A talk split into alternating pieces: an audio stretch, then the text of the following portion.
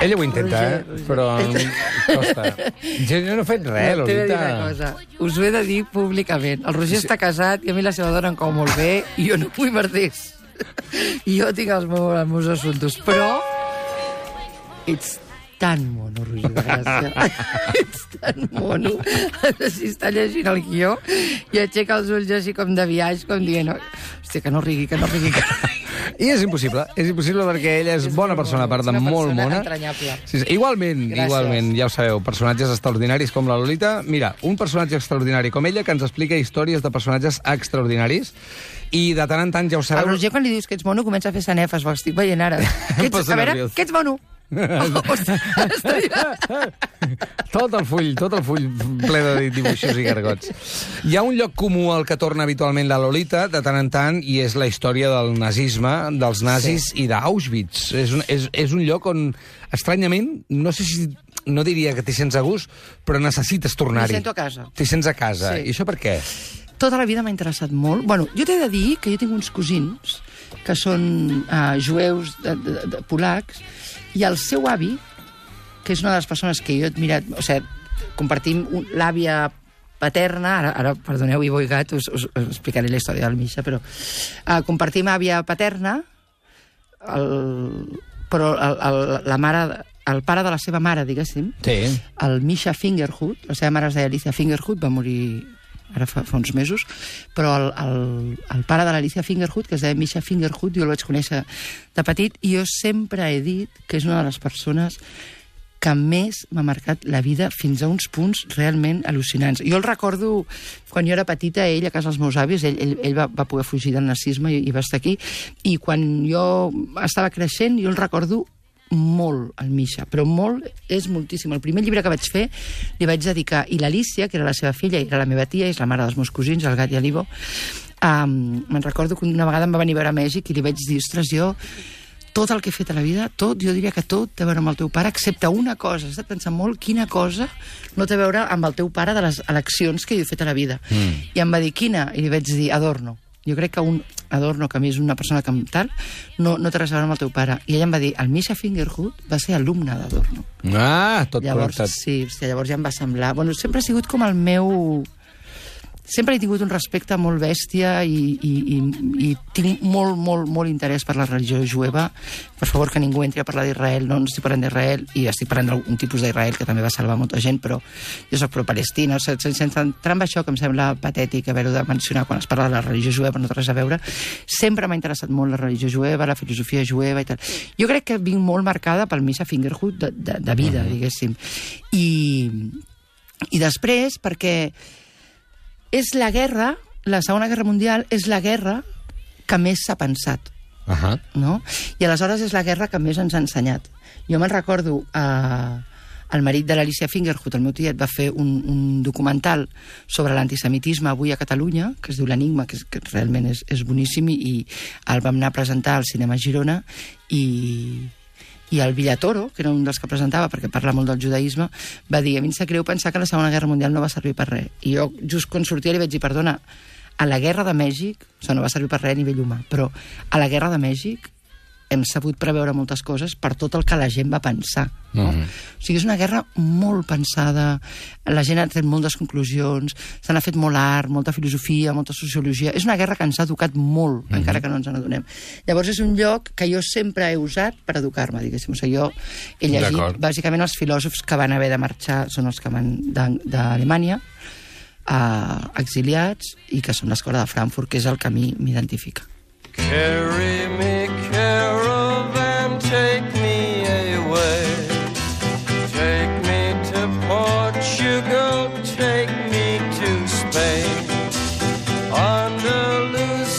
Doncs nosaltres ara amb la... Fa il·lusió haver parlat del Misha Fingerhut a la ràdio. Veus? Sí, sí. veus? Sí, sí, sí, sí. Uh, ens n'anem cap al camp de Teresin. Sí. No és dels més coneguts, com si diguéssim, No. però estem parlant de Txecoslovàquia, no? Sí. L'antiga Txecoslovàquia. Sí, a mi em va passar uh, una cosa a Txecoslovàquia uh, que, que el, aquest guió començava dient jo sé que tu ets un descregut i un malfiat, però no ho ets, en veritat. Però a mi m'han passat coses molt curioses a la vida, jo crec que les he buscat, no? I, I una de les coses que em va passar és que vaig aconseguir, quan, quan quan a Txecoslovàquia feia molt poc que s'havia obert, jo a Txecoslovàquia de casualitat hi vaig anar quan feia dies que s'havia obert. Uh -huh. Llavors vaig tornar quan feia potser sis o set mesos que s'havia obert. I quan va passar això, de casualitat, eh? cap dels dos era molt planejat, vaig poder anar amb un camp que durant el comunisme no s'havia tocat Ahà. i vaig veure des Uau. de fora, que em vaig quedar molt al·lucinada. Uau. Bueno, no des de fora vaig entrar, eh? Sí, Però, sí, sí, sí, sí. Ah, roba estesa encara, acartonada pel temps, Uau. a l'interior de les cases. Hi havia maletes amb l'estrella de David. Una cosa al·lucinant. I no em vaig atrevir a tocar res. Aquí Home, és on jo clar. vaig dir... Bueno, home, clar. Ja, ah, no sé. No sé. Jo, saps? Ja, ja, ja, que he sí, obert sí, la, sí, sí, funda, sí, sí. la tumba del Beckett amb una escarpa. Mhm. No em vaig atrevir a tocar res i, i hi havia una cosa molt al·lucinant, que és que a la sortida d'aquell camp vaig anar, no vaig atrevir-me ni a fer fotos. O sigui, vaig ser com un xoc molt bèstia. Vaig anar amb la meva germana, la meva germana va fer unes fotos molt boniques. Però jo, jo, a mi em va impactar molt i després he escrit sobre aquell camp. La meva primera novel·la va ser sobre aquest camp i, i, i estava dedicada al Misha Fingerhut. Però em va impressionar moltíssim que aquest camp, que era una antiga ciutat dels Àustries, llavors havia estat molt bonica, havien fet els nazis una, una estació de tren que portava cap a Auschwitz, no? perquè van fer tot d'estacions que anaven, que ramificaven fins a Auschwitz. I a l'estació de tren on, on abans hi anaven els condemnats a Auschwitz, Sí. no? ara, quan jo hi vaig anar, o sigui, ara vull dir el 93 o no sé quin any, una cosa així, quan, quan jo hi vaig anar, estava ple de gent pobra vivint. I això em va impressionar moltíssim, no? Que la gent pobra hagués d'anar on s'omplien els vagons d'Auschwitz com a bestiar.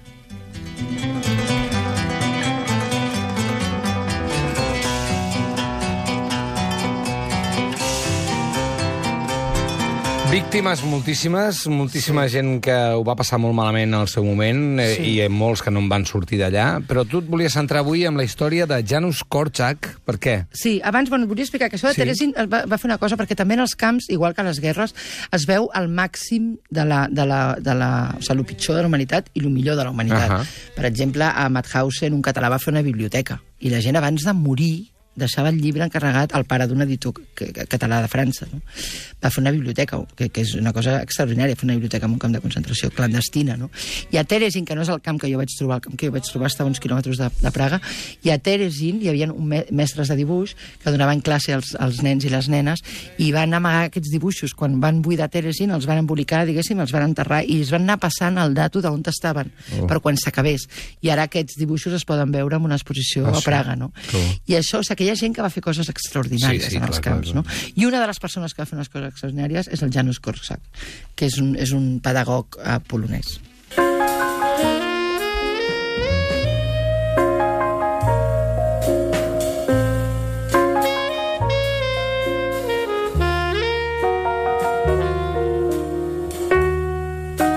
Janusz Korczak, pedagog polonès, en el camp de Teresin, eh?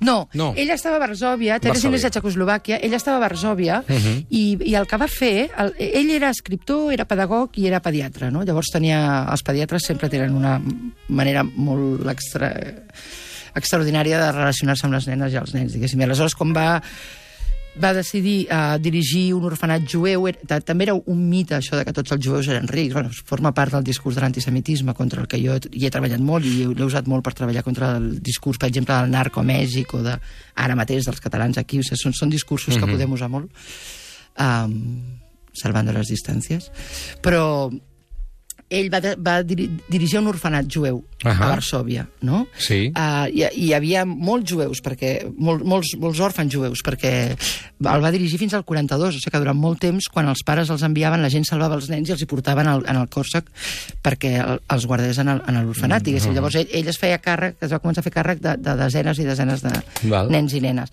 I l'any 42 el, el, van tancar l'orfenat, Sí. el, les autoritats poloneses van tancar l'orfenat i el, el, I amb ell el van detenir? No. no, van tancar l'orfenat i el van obrir el tristíssimament famós, diguéssim, gueto de Varsòvia, que és un dels guetos més bèstia que ha existit a la història de la humanitat, al nivell de, de gemers vermells, o sigui, un, un, una cosa molt bèstia. Els van tancar allà hacinados, a que, a que es mengessin els uns als altres, pràcticament. I aquest senyor allà dintre del gueto de Varsòvia va mantenir un, un orfenat, que això es diu aviat, o sigui, és, és, és d'una és d'una generositat i d'una humanitat extraordinària. I aleshores, eh, a l'any 42, van agafar tots els nens i les nenes i els van portar a Treblinka, no? Al camp de concentració Al de camp de Treblinka. concentració de Treblinka, que és aquest que et deia, on, Sí. on hi havia un dels dibuixos. I ell es podia haver salvat. Sí. ell va tenir l'oportunitat de salvar-se Per perquè, què? perquè ell formava part del que es deia una família integrada. Ah. I llavors tenia contactes i tal, perquè havia anat molt, a moltes institucions a demanar ajuda per als, als orfes i tal, i li van donar l'oportunitat de salvar-se i ell va dir que no. Perdona? I, ell va dir que no. no Va seguir els nens al camp de va concentració? acompanyar els nens a Perdona, concentració, sabent que podia morir allà? sabent que moriria allà, Mare de Déu. cantant. O sigui, jo això després ho he vist fer la Guerra de Mèxic. Jo després he vist... A Mèxic hi ha, hi ha escenes, i algunes estan gravades a, estan a YouTube, de quan els narcos ataquen una escola, no? que ta, ta, ta, ta, ta, ta, ta, ta, ta, com rafegueen, la- els nens i les nenes es tiren a terra. No? I hi ha una que és molt famosa que es diu Làgrimes de xocolate, que és una cançó, Làgrimes de xocolate. Llavors la mestra es tira a terra amb els nens i les nenes i els va cantar Làgrimes de xocolate per, mentre dura la balacera. No?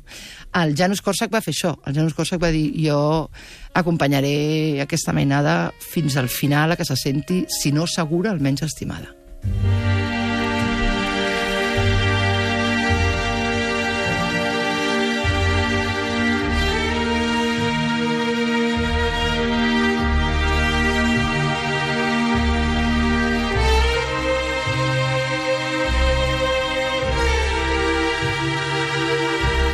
Ai, senyor.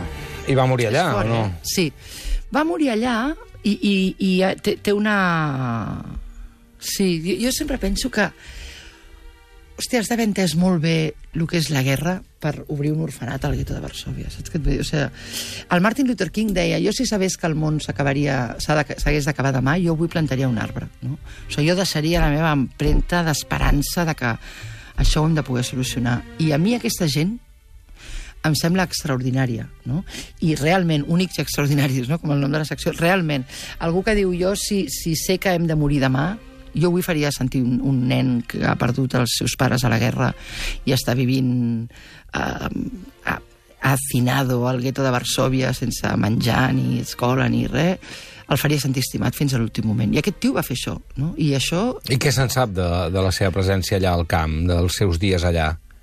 Se'n sap alguna no cosa? se'n sap molt. Ell va seguir escrivint, ell va seguir escrivint, i a l'any 39, eh, quan van dur-se tots els nens i nenes a l'orfenat del gueto, que, que es diu molt aviat, eh? un lloc tancat, això ho, ho llegeixo del guió, sense menjar, amb extraperlos, situacions insalobres, perillós, trist, miserable i agònic. Vale? I ell allà feia un diari, feia un diari que es deia pa, eh, Pamietnik, Uh -huh. que vol dir diari, però en, en polonès, que les paraules tenen un, uns significats múltiples, després vaig trobar amb altres paraules, també vol dir record. Vale? I finalment es va publicar l'any 58. Ah, però- això es pot llegir, eh? Sí, però mai ha estat prou traduït, prou llegit, prou conegut. Jo, jo quan la gent diu, ai, estic molt farta de la Segona Guerra Mundial, jo dic, hòstia, un, una cosa que ens ha fet pensar tant, no? Um, jo crec que mai, mai se n'ha parlat, o sigui, mai, mai n'hi ha prou, saps? Jo crec que l'hauríem de llegir i rellegir i rellegir i rellegir. Pamietnik, el Pamietnik. diari que, que escriu Janusz Korczak en Sí. el, en En català no el tenim, eh? en l'orfenat que, que porta allà, en el gueto de Varsovia. La darrera entrada d'aquest diari, Del 5 d'agost del 42. quan se'ls emporten? quan es van dur el, el, el, es, quan es van dur els orfes al, a Auschwitz, uh -huh. no? i ell van amb ells. I, I van anar cap a la càmera de gas, això explica la llegenda, eh, i això, bueno, no sé si és llegenda, deu ser veritat, van, anar cap a, van entrar a la càmera de gas cantant una cançó infantil, que pot semblar una escena molt ridícula, però probablement va ser els únics nens i nenes del món que van entrar en una càmera de gas cantant una cançó infantil junts. No? Ara em posaria a plorar perquè a mi aquestes coses m'afecten. Sí, no, però, és terrible. però, Igual, igual. però ho va fer però ho va fer possible, diguéssim, o sigui, dintre de la barbàrie, eh? jo crec que contra la barbàrie absoluta, La bellesa. la bellesa, no? I sempre hi ha algú que diu, ei, mira, dona-li la mà al teu company i canta, tio, no sé. Jo, jo després, molts anys després, vaig fer una cosa per, per nens i nenes, que era arts que ens salven, no?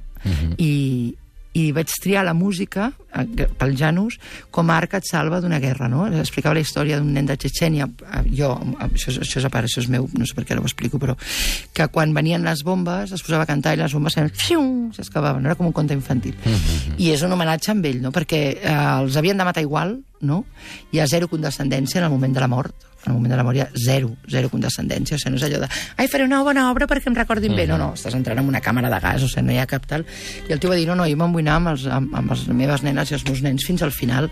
I té diverses estàtues a diversos llocs del món i tal. Uh -huh. Lamentablement, diari, record, diguéssim, el Pamiat no està en català. Però en català, l'editorial Euomo de, de, de Vic Eumo, perdona, té, dues, té dos llibres d'ells, que són Com estimar l'infant i El dret de l'infant al respecte. Mare de Déu, i ell en sabia una estona, eh, de com estimar l'infant. Molt.